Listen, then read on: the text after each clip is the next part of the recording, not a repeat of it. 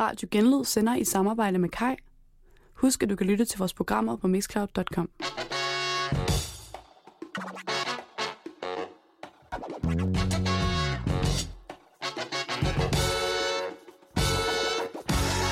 I østlige Ukraine stiger spændingerne mellem styret i Kiev. Well, after leaving the European Union uh, last Friday, the United Kingdom is now in a so-called transition period. नमस्कार मैं हूं धर्मेंद्र आप देख रहे हैं online news India Busy weekend to unpack. Bolshevik Bernie Sanders is now the unquestioned, undisputed, without a doubt, clear frontrunner in the Democratic primary. Il coronavirus affonda le borse mondiali. Emmanuel Macron a choisi un quartier de Mulhouse pour dévoiler les premières mesures. Den Neonazis am Samstag Vorbereitungen für eine Demo. What the cutting locust left, the swarming locust has eaten.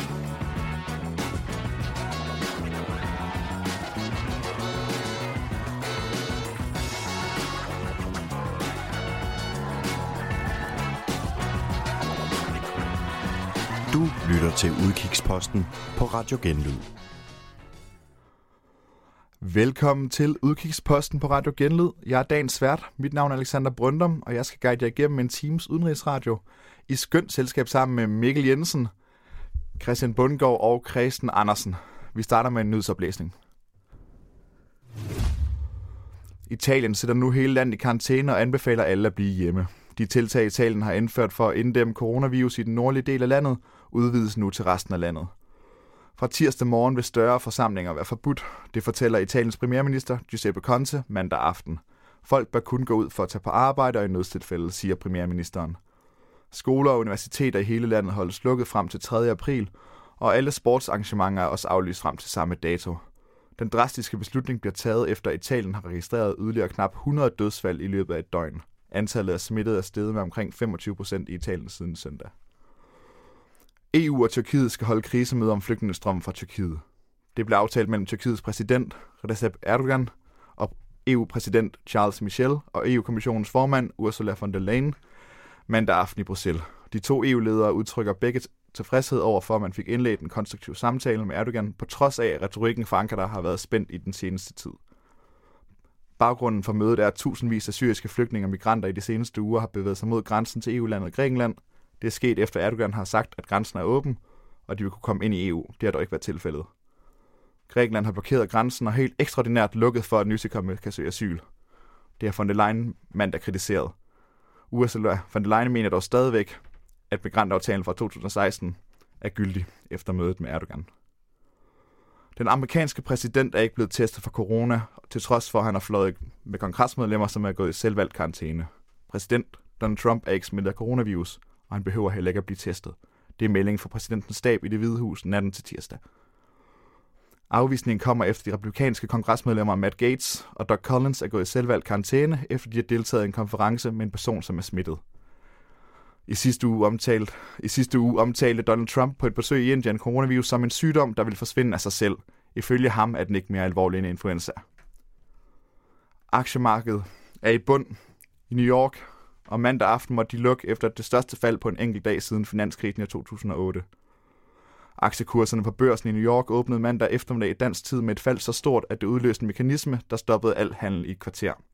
Der er total panik, fortæller Susan Smith, som er aktiechef i AI, AA til Financial Times. Hun vurderer aktieudsalgene af en overreaktion på virusudbruddet.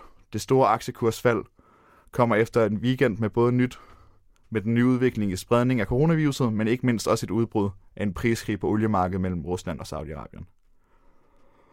Der meldes nu nyt i sagen om flystyrtet i Etiopien, der styrtede ned sidste år. En forløb rapport viser utilstrækkelig pilottræning og fejl i afgørende software var skyld i, at et Boeing 737 MAX-fly sidste år styrtede ned i Etiopien. Det er Etiopiens lufthaverikommission AIB, der har udgivet rapporten, skriver nyhedsbyrået DPA. Rapporten udkommer dagen før årsdagen for ulykken i Etiopiens hovedstad, Addis Ababa. Ulykken den 10. marts 2019 kostede 157 mennesker livet. Og nu til analysen.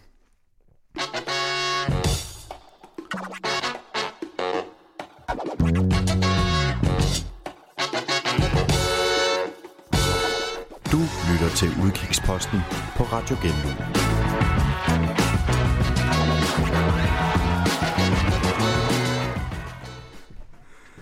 Sådan. Så fik vi skulle lige rush igennem nogle, nogle nyheder. Øh, vi har fået Christian Andersen i studiet. Hej. Jeg som, retter lige på jamen, mikrofonen det er så fint. Jeg kan fortælle lidt om, jeg kan måske sige, hvad du skal fortælle om først. Øhm, du vil gerne gennemgå uh, coronastatusen i Iran. Det vil jeg rigtig gerne, ja. Yes. Noget af det, vi hører meget om i øjeblikket, det er jo, øh, hvor hårdt coronavirus blandt andet rammer Italien. Øhm, og selvfølgelig også resten af Europa. Men noget, der er gået lidt udenom øh, de fleste mediers radar, det er, hvor, øh, hvor hårdt ramt Iran egentlig er af, øh, af coronavirus. Øhm, så det synes jeg selvfølgelig, vi skulle sætte lidt, øh, lidt fokus på. Øhm, fordi udover Italien og Sydkorea, så er Iran det land i verden, som har været hårdest ramt af coronavirus. Ja. Og øh, det er svært at få de egentlige tal. Øh, og der er, kan man sige, en stor fare for, at de tal, der kommer fra det iranske styre, jamen de er groft undervurderet. Det er i hvert fald, hvad de fleste eksperter anslår. De tal, vi har kunne få øh, fra officielt hold, jamen de viser, at der er 8.042 smittet. Og det er et land med 80 millioner indbyggere skal vi godt nok lige holde for øje. Ja, så officielt lige nu, så har de færre smittet end Italien, officielt. De har lidt færre smittet, smittet end Italien. Nogen, noget færre smittet end, end Sydkorea, men alligevel så, øh, så ligger de øh, ret godt med, hvis man kan sige det sådan. Øhm, og og øh, ja, 8.042 smittet og godt øh, 300 døde. Og det er de her 300 døde, vi, øh, vi også skal kigge lidt nærmere på. Øhm, fordi hvis man gør det, gør det op, jamen så, øh, så har Iran altså en dødsrate på omkring 3,7 procent. Øhm, og det er noget højere end det, vi har hørt, øh, hørt rapporteret fra, fra andre dele af verden. Ja, for, hvad ligger den på cirka? Hvad bliver der snakket om? Ja, men det, der bliver snakket meget forskelligt. Det er meget svært at udregne de her tal, og det gør så selvfølgelig også gældende for Iran, at det er svært at udregne. Øhm, og det skyldes selvfølgelig, at der findes en stor mængde af mennesker, som må formodes at være smittet med coronavirus, uden vi ved det. Øhm, og det er jo selvfølgelig ud fra de øh, sager, eller hvad kan man sige, bekræftede smittet, at vi kan udregne, hvor mange af dem er døde. Ja. Øhm, så der er jo selvfølgelig et stort mørketal, når man udregner øh, dødsretten af det her. Men alligevel så øh, med, øh, hvad hedder det, med anslået 3,7 procent øh, dødsrate i Iran, det er noget højere, end vi ellers har hørt. Øhm, der er blevet vurderet op til 3 procent øh, på verdensplan, men, men nogle estimater, de ligger også nede omkring 1 procent. Øhm, så det ja. svinger meget. Øhm, og igen, det handler selvfølgelig også, øh, dødsretten den afhænger af de, de smittedes alder. Vi har hørt rapporter op omkring 15 procent, 14,8 mener jeg det er, hvis man er over 70. Øh, og det er noget mere end for eksempel en almindelig influenza, som ligger på omkring øh, 0,85 procent dødsrate, hvis man er over 70. Okay. Så den er, øh, den er noget mere, øh, hvad kan man sige, ja, dødsretten er noget højere, og altså i Iran særlig højt. Hvis svære ældre typisk gør kronisk syge. Jo, jo, og præcis. Mennesker, ja. Præcis. Øh, men altså, det er som sagt svært at, at udregne, hvor mange der er der er smittet i Iran. Øh, jeg læste en analyse, som uh, The Atlantic gengav, og der øh, refererer de til, at Irans regering har lavet en uh, undersøgelse blandt 2 millioner iranere. De har bedt dem besvare et spørgeskema, og øh, 9% af dem, der har øh, besvaret spørgeskemaet, de har angivet coronalignende symptomer. Ja. Og ifølge amerikanske tal, så 10% af dem, der har angivet symptomer, jamen de viser sig senere at blive testet positiv. Og hvis man kan overføre det til den iranske case, jamen så snakker vi altså om, at der vil være 730.000 coronasmittede iranere. Det er jo selvfølgelig lidt af et, igen, et estimat, og det er svært at sige, hvordan det kan overføres til virkeligheden. Ja. Det er bare for at understrege, at, at de officielle tal, som i sig selv, i sig selv er skræmmende for Iran, jamen de er nok groft undervurderet. Øhm, noget af det, der er, der er interessant ved Iran, jamen det er for det første, hvorfor det er så hårdt ramt, og øh, hvad hedder det, hvilke konsekvenser det kan have selvfølgelig. Ja. Øhm, jamen, hvorfor er det så hårdt ramt? Jeg vil faktisk, øh, jeg vil faktisk gerne starte med øh, at, at fortælle lidt mere om, øh, hvem det er, der er ramt. Ja, fordi det starte der. Ja, det er, øh, det er nogle ret specielle mennesker i Iran, der blev ramt af coronavirusen. Vi har alle set, mange har i hvert fald, det klip af ham, øh, vicesundhedsministeren, i, øh, i ja. Iran, som, øh, jeg mener det er 24. februar, der går han ud på et øh, pressemøde, og så siger han, der er ingen grund til at frygte coronavirusen, vi har alt under fuld kontrol. Øhm, og mens han står og siger det, så sveder han træn og står og tørrer sig på panden og hoster og hakker sig igennem. Dagen efter pressemødet, der bliver han simpelthen øh, testet positiv for, for coronavirus hele, der var noget med en stor del af eliten, den her militære elite i Iran, der skulle være blevet ramt af coronavirus. Ja, det er netop det. Det har jo så bevæget sig i de kredse, hvor, hvor øh, vice sundhedsministeren, han, øh, vicesundhedsministeren han har været. Øhm, som sagt er det vicesundhedsministeren Ira Hirachi, som er blevet smittet.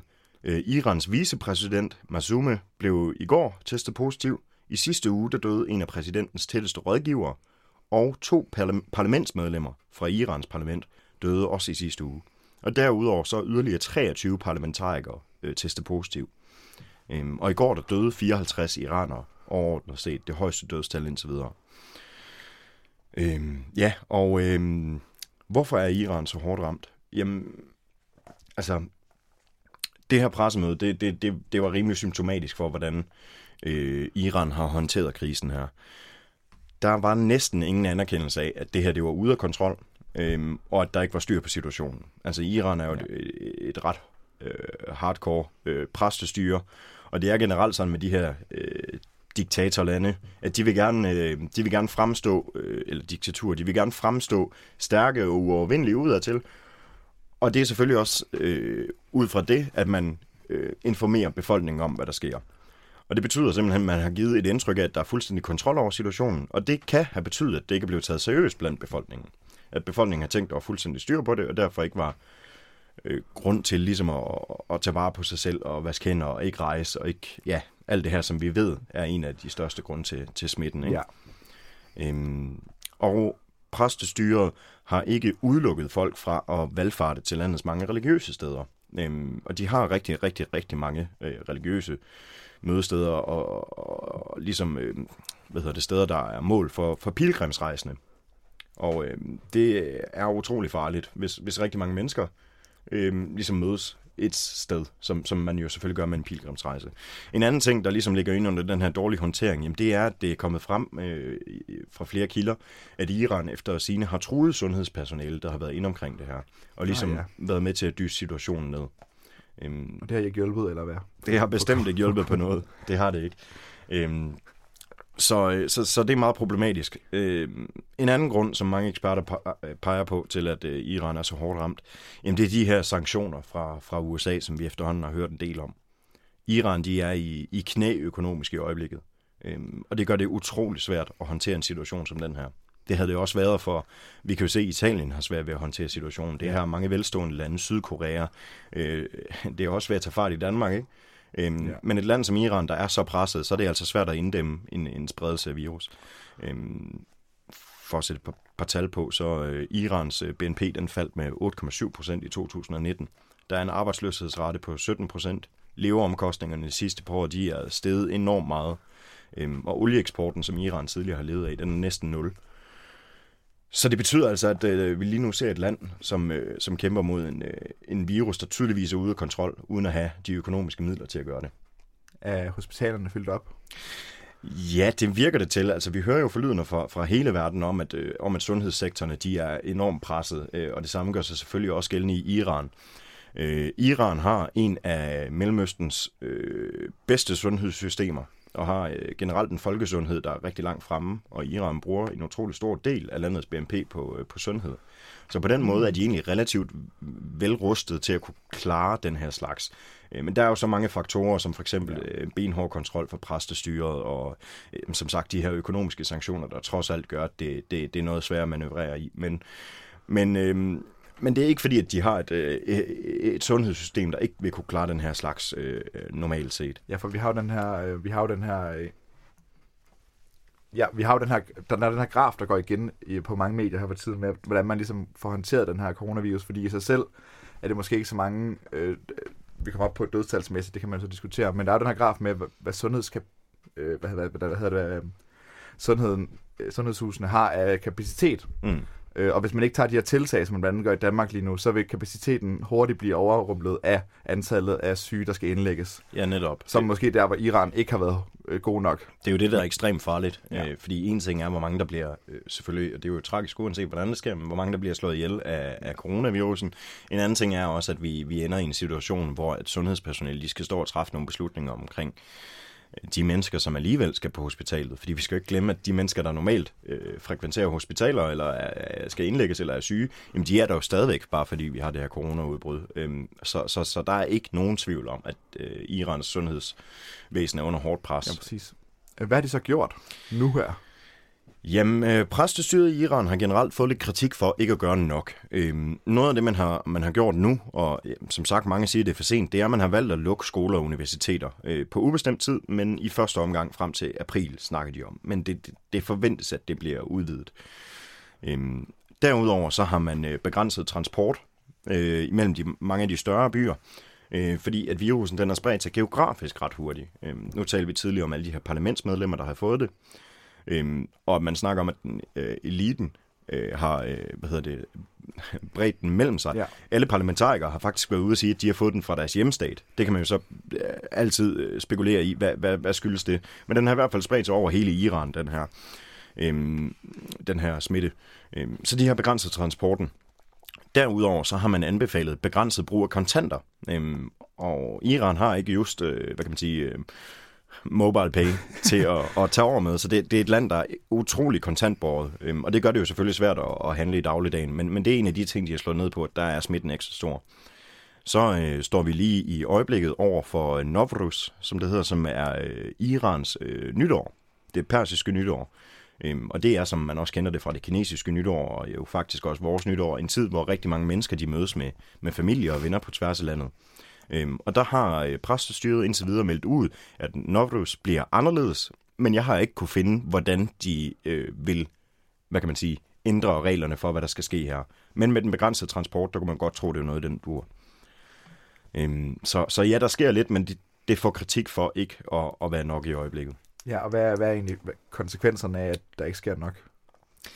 Jamen altså, konsekvenserne er jo mange. I øjeblikket er det svært at spå om, hvad der kan være konsekvenser af coronavirus, fordi vi ved jo alle, at det er noget, der spreder sig med, med altså der er jo en daglig udvikling, og de tal, jeg gav, da jeg startede med at tale for sygdomssmitten i Iran, jamen de er sikkert noget andet nu. Øhm, men altså, det er jo selvfølgelig altid tragisk i sig selv, når vi ser noget blive, blive så hårdt ramt, som Iran har været med coronavirusen her. Der er mange smittede, der er mange døde. Øhm, man kan sige, der burde måske have været italienske tilstande, hvor man har lukket land ned. Det er så ikke sket, som, som omverdenen ellers har anbefalet. Men øh, den mest, øh, hvad kan man sige, den mest øh, åbenlyse konsekvens af det her for Iran, jamen den, den er økonomisk. Øh, Iran er i forvejen et land, der er i, i knæ, og øh, en, en, en iransk økonomi kan simpelthen ikke holde til at blive lukket ned fra, fra, fra handelspartnere øh, oven i de her sanktioner, der allerede er, er ramt. Så det er, en, øh, det er en ret utrolig sag at skulle følge i øjeblikket. Iran er utrolig hårdt ramt. Det glæder vi os til at følge med med i. Tak fordi du øh, kom ind og snakkede om Iran. Det var bestemt så lidt. Vi skal til det amerikanske valg.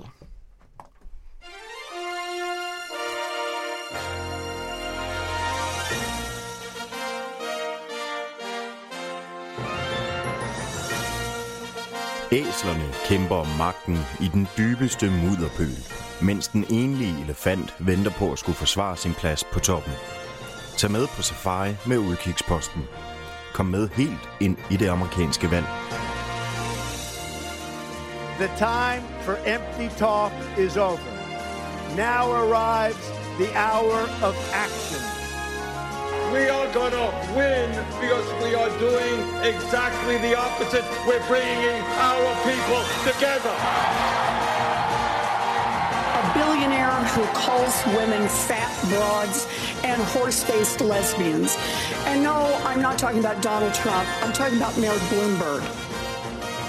And one thing we know for sure is that we absolutely must defeat Donald Trump and everything that he represents in November. Will make America great again. Sådan. Vi skal til vores øh, vanlige segment med øh, en analyse af det amerikanske valg.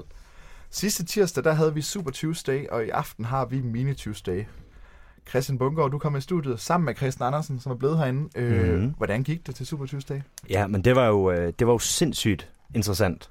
Øhm, fordi det gik øh, i mange af de stater ikke som øh, forventet øh, i de øh, polls, der har været øh, blandt de amerikanske analyseinstitutter.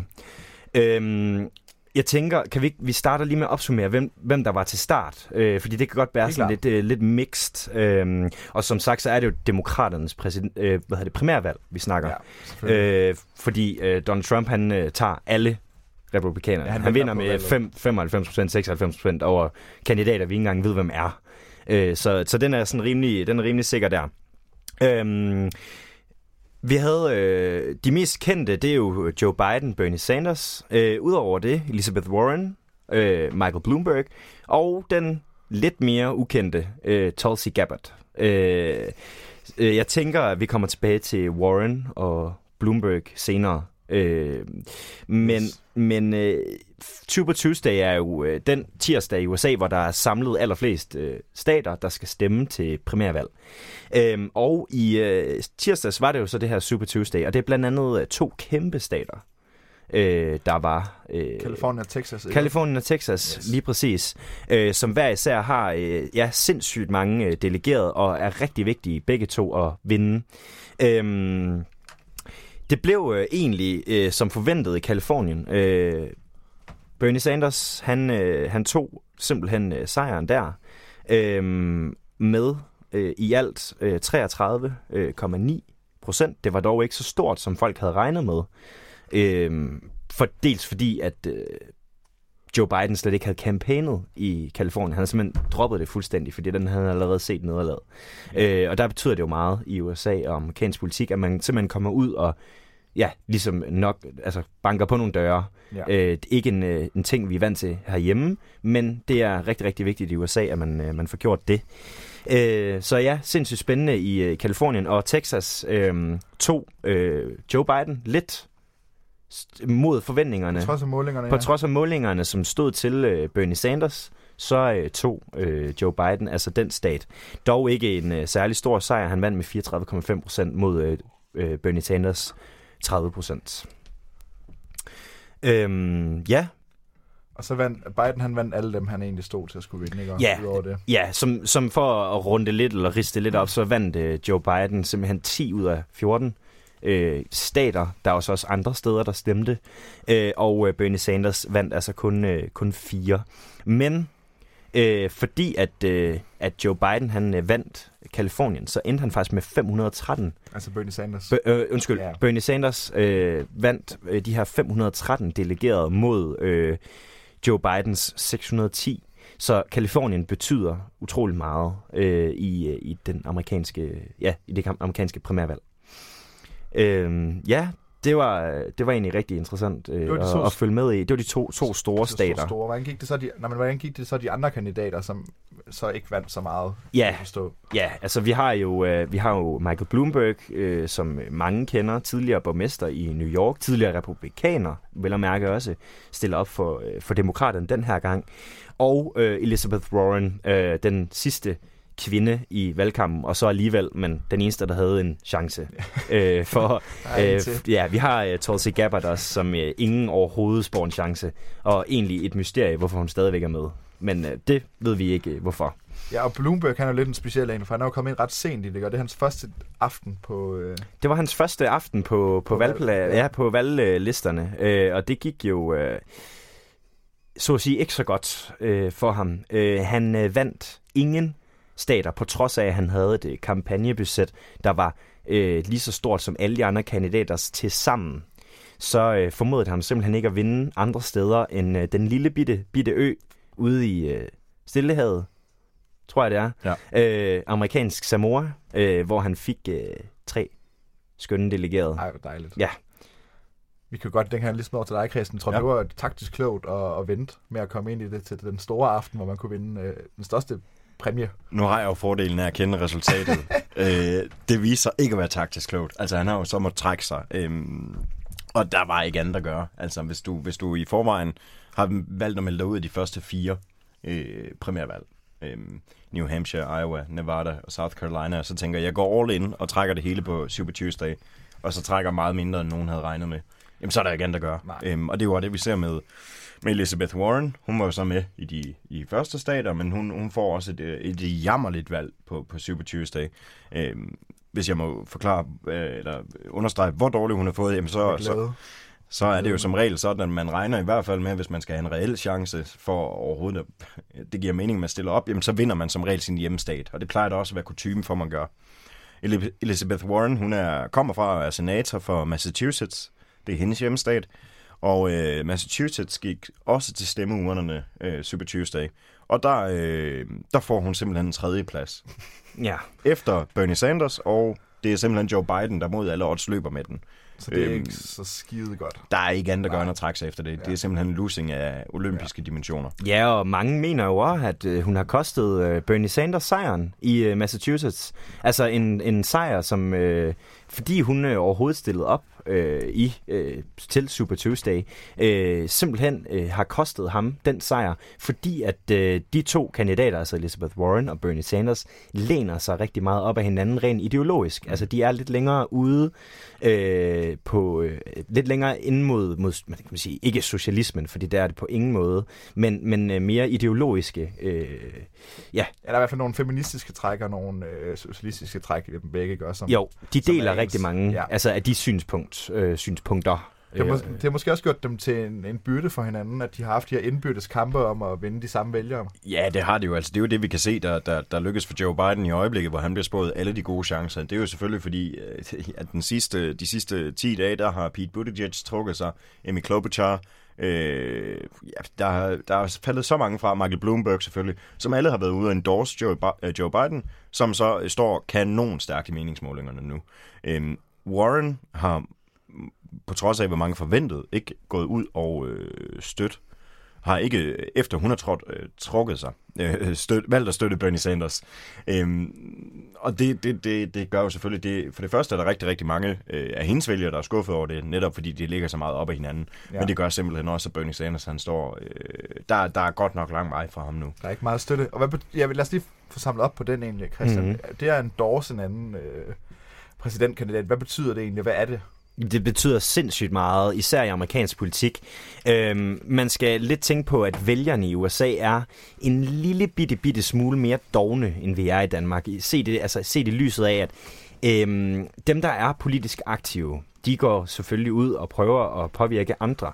Man vil gerne have at vide, hvilken kandidat man er tættest på. Sådan er det også lidt i dansk politik. Men øh, nu, hvor øh, Pete, øh, hvad hedder det, ja, både Pete Buttigieg, øh, som er en af dem, der faktisk øh, stod og samlet rigtig mange vælgere ind, øh, og også øh, Michael Bloomberg øh, har været ude og bo, begge to støtte øh, Bernie øh, Sanders. Øh, nej, undskyld, Joe Biden. Ja, Joe Biden undskyld, ja. Joe Biden de begge to ude støtte ham. Det har givet ham et kæmpe rygklap videre hen. Og det har simpelthen også betydet, at i de stater, der kommer nu her, der vil de vælgere, der havde stemt på de kandidater, simpelthen stemme på Joe Biden. Den er ikke længere. De går ikke længere end at se, hvad, hvad peger deres egen personlige kandidat på. Det gør vi også selv. Øh, så det kræver en lille bitte smule mere at, at, at, at, at ligesom få vælgere over på en anden, ja. en anden kandidat. Så det betyder utrolig meget. Og man kan så sige, Elizabeth Warren kan nå det endnu, men hvis hun ikke støtter Bernie Sanders inden valget i aften, så gør hun det slet ikke. Og så bliver det lidt et problem for Bernie. Nej, for jeg, er det sådan, at man afventer, øh, afventer man øh, Elizabeth Warrens svar på det? Er det noget, man gør, eller kan man godt lade være? Lige nu afventer man, fordi hun har faktisk ikke meldt noget som helst ud øh, om, hvem hun støtter. Øh, så øh, hun har kun været ude at sige, at hun selv øh, dropper ud. Øh, folk har spurgt hende, og alle regner med, at hun vil støtte Bernie Sanders, men det er ikke et godt tegn for Bernie Sanders, at hun ikke har gjort det endnu. Nej. Jeg vil gå så langt som at sige, at jeg, jeg, jeg tror simpelthen ikke, hun går ud og endorser Bernie Sanders, hvis hun ikke havde gjort det allerede. Øhm, fordi vi har, vi har ja, mini Tuesday i aften, øhm, og der, øh, der har været rigtig, rigtig, rigtig meget fodarbejde for de her kandidater op til alle de valg, der kommer i aften. Og det havde givet rigtig god mening for hende og for Bernie Sanders at simpelthen sikre sig den støtte allerede. Jeg har svært ved at se, at hun her ved, øh, Øh, i den 11. time skulle gå ud og støtte ham. Vi skal også huske på, at ved mange amerikanske stater, jamen, så er der jo valg øh, hvad hedder det, der er rigtig mange, der stemmer øh, forud for selve stemmetidspunktet, ja. altså brevstemmer og den slags ja. her. Og de har jo ikke oplevet, en, selv hvis hun går ud om en time fra, vi har sendt og støtter Bernie Sanders, jamen, så har de jo ikke noget at høre det Nej. af gode grunde. Øhm, Nej, valgurnerne er også åbne derovre, mm. øh, også selvom øh, tidsforskellen øh, siger det, så, så, er der, øh, så har de allerede haft mulighed for at stemme øh, så, så det kommer hun nok ikke til, altså. øh, og det er ikke godt. Så der er nok en stor sandsynlighed for, at hendes vælgere de kommer til at splitte sig ud, ja. eller hvad? Jeg tror rigtig mange af hendes vælgere, de kommer til at gå over til Bernie Sanders, netop fordi det er, øh, det er, der, er, der er stor sammenfald mellem, mellem hendes vælgere og hans vælgere. Omvendt, så kan man jo sige, at øh, der, er bare, der er rigtig mange amerikanere, der, der lidt går med the crowd, når det kommer til, hvem de støtter. Altså, øh, så, og, og lige nu, der står Joe Biden til en kanonsejr. Ja. Så Øhm, så, så, så det kan jo være, at de bare hopper med på den. Præcis, jeg det er sjovt, du siger det, fordi lad os egentlig lige kigge fremad i aften, mm-hmm. hvor vi har øh, Mini Tuesday. Øh, sidste uge i målingen, der stod øh, Bernie rigtig stærkt til at vinde de to store stater til at i dag at føre. Det gør han så ikke længere. Nej. Nu har Biden ligesom fået føretrøjen, så vidt jeg kan forstå. Ja, altså vi har øh, det, øh, amerikanerne kalder mini-Tuesday, eller mini-Super Tuesday i dag, ja. øh, som i alt er øh, seks stater. Mm. Øh, vi kan lige nævne dem. Ja. Idaho, Mississippi, Missouri, North Dakota, Washington og Michigan. Øh, og derudover så er der også noget andet, der er sådan ret interessant. Det er også Democrats Abroad, som de hedder. Altså folk eller demokrater, som registrerede demokrater, øh, som kan stemme fra udlandet. De ja. har kunne stemme fra 3. marts til og med i dag. Ja. Øhm, og der er også delegerede der, kæmpe, så de er deres egen lille, lille bitte stat. Øh, 352 delegerede i dag at kæmpe om. Det er noget mindre end i tirsdags øh, betydeligt mindre, men stadigvæk øh, vigtige delegerede at få, øh, for at kunne komme op på de her 1900, man skal have, øh, for at øh, ja, have maksimal støtte ind øh, mod øh, demokraternes konvent ja, for der i er, juli. Der er under 100 delegeret, delegeret mellem dem lige nu ja, i det samlede regnskab. Ja, ja, det kan vi også. øh, Vi kan lige, øh, den har vi nemlig også her. Det samlede regnskab øh, er faktisk, at Joe Biden vandt, eller er foran. Han har 664 delegeret, og Bernie Sanders har 573, så det er jo langt fra slut endnu. Øh, det, der så bare er værd at bemærke, det er, det, det er i aften, hvor... Øh, ja, man, jeg kan lige så godt sige det, som det er, og til dem, der godt kan lide øh, Bernie Sanders, han står ikke godt i meningsmålingerne. Øh, ja, jeg ved ikke... Øh, Nej, nej, altså det... Hvis, øh, hvis vi skal give en indikation af, hvor, hvor dårligt han faktisk står i meningsmålingerne, jamen så øh, synes jeg, vi skal tage at kigge på Michigan. Ja, og det er jo den største stat. Det, det er, jo aftens, aftens hovedpræmie med 125 delegerede. Præcis. Og øh, Michigan har lidt en sjov øh, historik med Bernie Sanders, fordi det var en af de stater mod alle odds, som øh, Bernie Sanders vinder over Hillary, Hillary Clinton i, i 2016, mm-hmm. demokraternes, øh, øh, hvad hedder det, øh, primaries. Øhm, og som det ser ud lige nu, jamen så fører Joe Biden altså i meningsmålingerne med, øh, med øh, nu skal jeg prøve at se, øh, bum, bum, bum. Det kan jeg ikke lige få frem. Jamen, han står i hvert fald her, 59 procent mod, øh, mod, hvad hedder det, Sanders 35. Ja, så det er øh, altså det er noget af et forspring, Joe Biden har der. Ja, øhm. det er amerikanske medier, bare for at pensle det lidt ud øh, i forhold til, hvor stor chance han har i Michigan, som han vandt sidste år. Øh, der har han, øh, Bernie Sanders, 1-100 chance for at vinde, ja. hvor øh, Joe Biden har 99-100. Så det, det er, den er, den er ja. rimelig meget afgjort, så vidt at øh, meningsmåling siger. Nu skal man ikke stole alt for meget på det. Nej. Men det er en rimelig det er nogle, rimelig sikker sejr til... Det er nogle store afstande, kan jeg se i procenterne. Der er øh, ham her, Nate Silver, som er sådan lidt en meningsmålingsguru i USA, som står bag øh, 538, et ja. medie, der følger de her meningsmålinger ret tæt. Øh, og ifølge deres modeller, jamen, der er der en 88% chance for, at, Bernie, øh, undskyld, at Joe Biden han kommer til at løbe med halvdelen af de delegerede op mod konventet. Øh, og han spår simpelthen kun 2% til Bernie Sanders. Øh, så det ser rigtig, rigtig uheldigt ud for, for, for Bernie Sanders. Øhm, CNN lavede en, øh, en meningsmåling i søndags, tror jeg det var, øhm, der viste, at 52 procent af de registrerede demokratiske vælgere, jamen, de foretrækker Joe Biden, og 36 foretrækker Bernie Sanders. Øhm, så der er lang vej for, øh, for den gode gamle Democratic Socialist. Ja. Altså, er der nogen chance tilbage, hvis i aften går, går som det bliver forudset? Ja, altså der er stadigvæk rigtig mange delegerede at kæmpe om, så det er på ingen måde afgjort. Men øh, de her Super Tuesday og Mini Tuesday, som er her i, øh, i marts måned, giver altså et rigtig, rigtig godt øh, fingerpeg om, hvordan det kommer til at blive fremover. Fordi nu har vi ligesom været igennem øh, alle typer af stater. Det er også vigtigt at tænke på, at USA er øh, meget opdelt rent demografisk, så, så øh, de, de første indledende stater, øh, som gav ikke rigtig nogen sådan, hvad kan man sige, indikation på, hvad der, der ligesom ville ske. Men, men de næste, der kommer her, både nu her og så næste tirsdag, hvor vi blandt andet har øh, Florida, som er en øh, rigtig, rigtig vigtig svingstat, ja. øh, plejer at være det til øh, selve præsidentvalget øh, i november. Øh, det, det bliver rigtig spændende de næste, men, men, men det skal lige siges, der er intet, der er afgjort. Nej. Øh, så, så der er stadigvæk noget at kæmpe for. Men lad være med at lægge jeres penge på Bernie Sanders. Det, det vil jeg simpelthen råd til. Lad, lad være med det. Lad være med det. det nu har jeg ellers... Han er ustyrligt langt bagud i de fleste meningsmålinger. Jeg, jeg tør heller ikke spå, men jeg vil næsten tro, at øh, er det, er slut?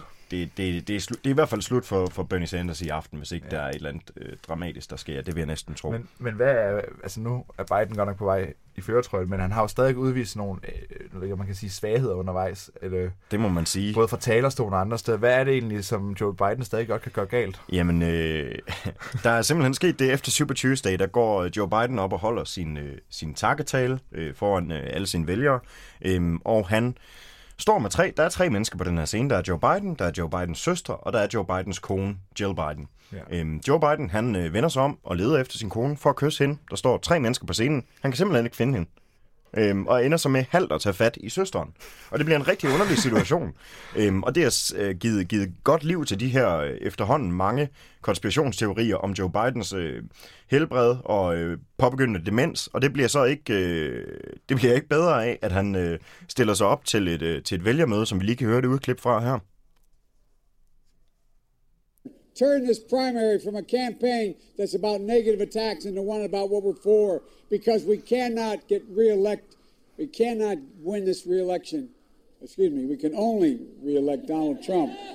And Donald J. Trump and I Ja, ja, det, det var et triple fuck up måske. Det er simpelthen Joe Biden, der, der ikke kan finde ud af, om han selv skal reelectes, eller om han stiller op, eller om han skal endorse Donald Trump, og ender lidt med det sidste, tror jeg. ja, det... Og Donald Trump har brugt det, som Donald Trump Jamen, er i sin, uh, i sin valgkampagne. Det vil, det vil alle jo have gjort, så det er fair nok.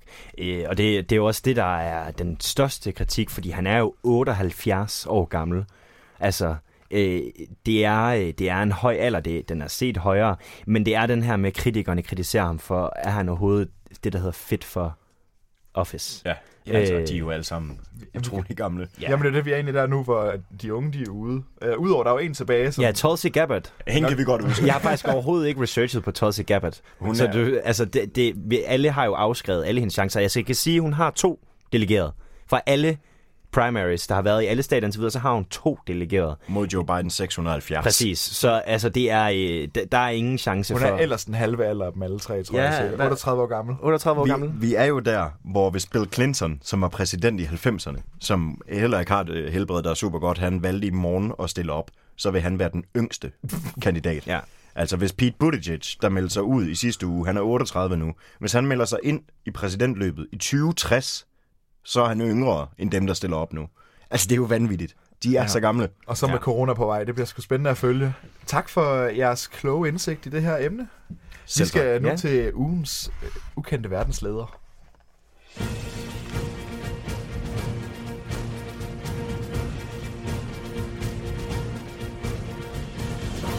Du kender Trump, Merkel, Macron og Martin Rossen. Udkigsposten sætter hen over de grå og brugte verdensledere og sætter kursen mod de ukendte og farverige personligheder, der leder resten af verdens afkrog. Velkommen til ugens leder.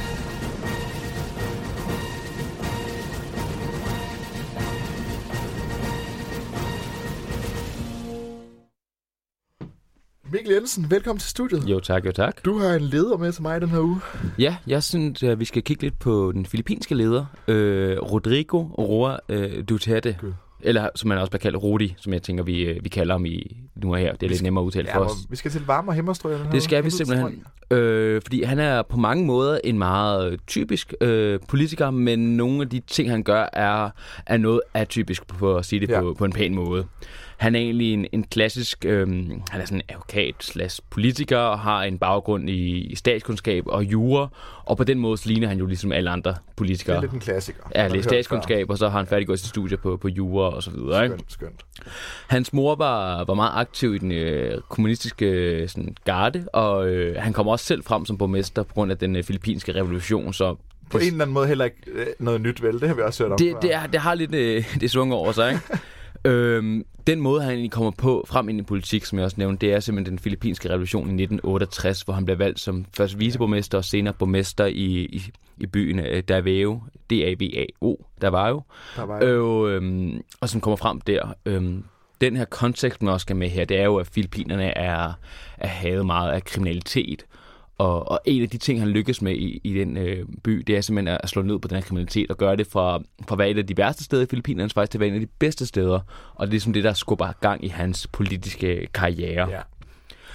Øhm, det hans øh, kontroversielle så det er, det er jo, hvordan han så håndterer de her kriminelle. Fordi at Filippinerne har et utroligt stort problem med, med stofmisbrugere og, og narkotika i, i, altså helt generelt. Ja, i stor mængde grad. Ja, det er det. Øhm, så han har simpelthen valgt at slå ned på, at øh, man simpelthen skal, man skal dræbe alle stofmisbrugere og pusher og, og kriminelle i, i al almindelighed. Som er jo en... en Det er jo en, det er en hovedrengøring. Altså, det er simpelthen i sin, øh, jo- pureste form, ikke? Og, og det har så gjort, at øh, det er så kommet frem, og det blevet dokumenteret, at i, i, i der var jo den by, han var, han var viceborgmester, der har der simpelthen været dødspatrulje, der har dræbt over 1400 mennesker øh, i den periode, han var der. Øhm, og han er så, som sådan gode politiker han er, der har han jo skiftet lidt mellem sine forklaringer. Ja. Om, om, Nej, det kunne jeg ikke forestille mig. på den ene side, så har vi en, en masse øh, menneskerettighedsorganisationer øh, og så videre, som egentlig synes, det her det er ikke verdens bedste måde at gøre tingene på, men samtidig har han faktisk også lidt medvind i, i befolkningen, fordi han faktisk får gjort noget ved det her problem. Ja. Så han skiftet mellem at egentlig benægte alt kendskab til de her drab, til også egentlig bekræfte lidt. Så det er lidt efter, hvad han lige, hvad han lige synes kan øh, passer bedst i hans, hans fortælling. Jeg kan så sige, at deres ombudsmand er så gået, gået ind i sagen for ligesom at undersøge, om der var noget, og det kunne de så øh, afvise. Det var der ikke noget at gøre med. Han har ikke nogen kendskab til de 1400 drab, der var Nej. sket af dødspatruljer i hans by. Jeg, jeg synes, du hensyder lidt til, at han er korrupt på andre måder, men det kunne jeg ikke forestille mig. Jeg, altså, jeg kan ikke forestille mig, at han har en, korrupt baggrund på nogen måde. Nej. Det er i hvert fald det, man får at vide fra de filippinske myndigheder, Ja. så det kan jeg ikke se tvivl ved. Det vil jeg... Men det er meget sjovt, det er en mand, vi, jeg tror, vi alle sammen har hørt om ham på et tidspunkt, lige da Mhm. han kom frem.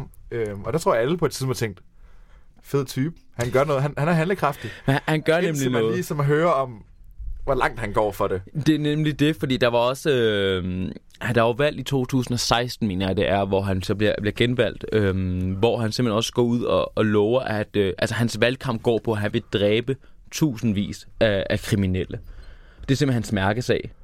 Øhm, og, og det vinder simpelthen valget på, og, øh, og, og det er jo også lidt... Fede lidt valgplakater. Ja, Langt altså, vejen. og jeg kan sige, at tallet af døde steg til over, over 7.000 i, i 2017, og, og derefter valgte man så ikke at, at melde nogen data ud efterfølgende.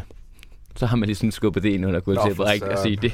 For så var der igen en masse organisationer, som valgte sig at blande sig i den filippinske regering, og den måde, de valgte at gøre tingene på, og, og det synes man ikke, de skulle blande sig i, så ville man bare ikke give nogen tal ud. Det er jo også en, en nem måde at håndtere det på. Det er måde at gøre det. Man kunne gøre, altså man begynder næsten at holde lidt af social- Socialdemokratiet herhjemme, og, og, og så over, hvis overvågning er det værste, vi kan opleve her. Ja.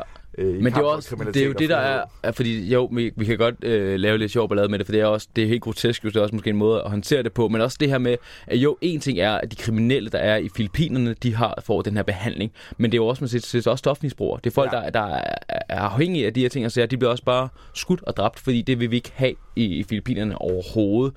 Så der er jo tonsvis af mennesker, der er, simpelthen er blevet dræbt af det her. Som aldrig har solgt stof i deres liv. Aldrig nogensinde. De er egentlig bare ja, et produkt af det her, ikke? Øhm, en anden lille krølle på halen, som er, er, er værd at bemærke med, med ham her, det er også, at han er simpelthen var ude og bekræfte, at han selv har dræbt tre mennesker under hans øh, borgmestertid. Øh, Der var tre kidnapper, som han simpelthen bare har, har skudt. Og det er også det, at man kan have en præsident, som er ude og bekræfte, ja, jeg slog lige tre mennesker ihjel i, hvad var det, sådan noget 98 eller sådan noget fordi de var kidnapper. Det viser også lidt, hvilken profil han er som, som, som person. Det er det, Filippinerne gerne vil have, åbenbart. De have en hårdslående mand. Altså, det bliver en genial Netflix-serie en dag, det der. Altså, Ja, vi kalder en det. efterfølger på Narcos. Ja, og så bare køre med ham. Ja, det bliver jo meget nemmere. Med Rodrigo. Jamen, det, Men der er også lidt, hvis man kigger lidt på, på Filippinernes udenrigspolitik, for der øh, gør han så også bemærket, der er det jo sådan, at øh, FN har været inde og sige, at det her, det går simpelthen ikke. nej. Og der er han ikke så lydhør over for, for kritik. Jeg ved ikke, om han har fået lært det der med at give kritik og få kritik, fordi at hans løsning har så bare været at sige, så træder vi ud. Så det, det sker ikke det. Altså, det gider vi ikke det pis. Vi skal ikke komme og blande sig i vores øh, øh, interne øh, anlægner. Det gider vi ikke. Og så har simpelthen bare sagt, jamen, så må vi lave en alliance med, med Kina og en afrikanske lande, som også ikke er måske den bedste måde at, at gøre tingene på. Nu er, det, nu er det tredje uge, vi har det her segment, og det er som om, der er noget, der går igen. Ja. Og det er som om, når der kommer en besked fra Vesten, så skal vi bede dem om at lade være. Lad være med det. I skal og så ikke blande dropper vi dem. Ja. Og så kigger man over mod Kina. Og, og hans udenrigspolitik er helt generelt bare at gøre dem uafhængige af Europa og de vestlige øh, demokratier, og simpelthen danne en alliance med Kina og Rusland nu her. Det er også det, hans, hans mærkesag er. Ej, hvor skønt. Fordi der er andre med, blandt med Putin og Xi Jinping men der er også ham. noget kommunist noget der. der Men det er der, der er et eller andet, der er noget ideologi, der også passer overens. Ja. Men, men hvad skal du til at sige? Fortsæt. Nej, men kom endelig med det, fordi det... Nå, men jeg skulle til at sige, hvis vi lige... Altså, det er den mest blodige, måske, vi har haft de tre, vi har haft indtil nu. Vi har haft nogle østeuropæere og noget lidt over mod Østen, Mhm. lidt længere ud, som alle sammen har været ikke så høj på menneskerettigheder, ikke op på listen. Øh, og undertrykt mange befolkningsgrupper. Men det virker som om, vi har det, det highest death count right now. Altså, det, er det, det er jo svært at sige. Det er også, der er mange mørketal i de ting, så er det ikke. Og jeg kan ikke øh, sige, altså også fordi, der er ikke noget, der er bekræftet. Altså, Nej, nej. Ombudsmanden, har, ombudsmanden har genåbnet sagen af uansagelige årsager, men vi kan jo ikke sige præcis, hvor det mange der er. nok lukket igen, Det, bliver, det, den der, jeg tror ikke, de finder noget på ham. En fed detalje, jeg også har, for nu har jeg også øh, prædiket om, at han også har et, et ret godt forhold til Kina, eller forsøger i hvert fald at lave ja. et tæt bånd til dem. Men det er jo sådan, i kinesisk udenrigspolitik, så er det, de vil også gerne ekspandere deres øh, geopolitiske magt. Og der er en masse øgrupper ude for Kinas kyst, som der er meget øh, sådan, tvivl om, hvem egentlig de tilhører. Ja. Der er mange af dem, der gerne vil sådan, sige, det er vores sted. Og fordi Kina har en ret aktiv politik, at de inden for en vis årrække skal styre med flere dele af verdenshavene, som jeg siger. Det er sådan en modkamp mod USA. Ja, skønt. En af de øgrupper øh, vil Filippinerne også gerne gøre, gøre krav på. Så der har været rigtig meget øh, debat frem og tilbage mellem de to, hvor at øh, Rodrigo han så vælger at sige det sidst, ja, ved du hvad, jeg tager nogle jetski på, og så flyver jeg over til en ø, og så smider jeg bare et flag på, og så er det vores. Det er simpelthen hans måde at håndtere på det. Bare, Fedt. bare tro med jetski, og så bare køre ud til øen og, og plante flag, og så kalder vi det det vores. Det bliver sikkert en pissefed promovideo. Men også forestille dig hans diplomatiske evner, ikke? Altså, det, det er bare at dræbe mennesker, og så bare gøre krav på ting, og så ikke rigtig lytte til andre. Så har man ligesom bundlandterning af ham. Verden bliver meget simplere, ligesom dengang man egentlig gik i børnehave. Eller noget. det, er, sgu- det er sgu meget smukt egentlig. Det var- Fed fyr. Fuldstændig. Han har dog... Nu ved jeg godt, at han har haft meget medvind, og det er gået meget godt til valgene.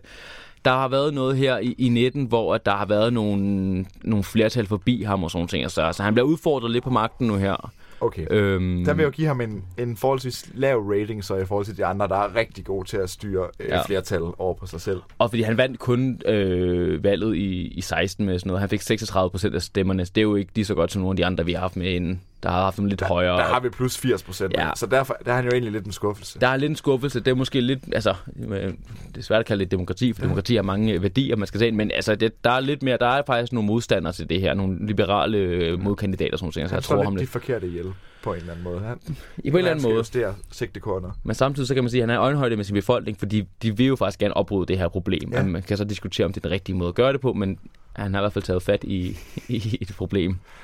Han er sgu skøn. Det må man sige, men øh, det, er- det er en makker, vi nok helt sikkert kommer til at høre en smule mere til i hans hårde bekæmpelse af narkokriminaliteten i, i Filippinerne. Jeg tror, Mette Frederiksen skal kigge den anden vej. Jeg håber ikke, hun bliver inspireret i hvert fald. Nej, det må jeg håbe, der er ikke Ellers så, uh, rest in peace, Christiania. Uh, yes, så det var egentlig verdensnødet for den her gang, tænker jeg. Vi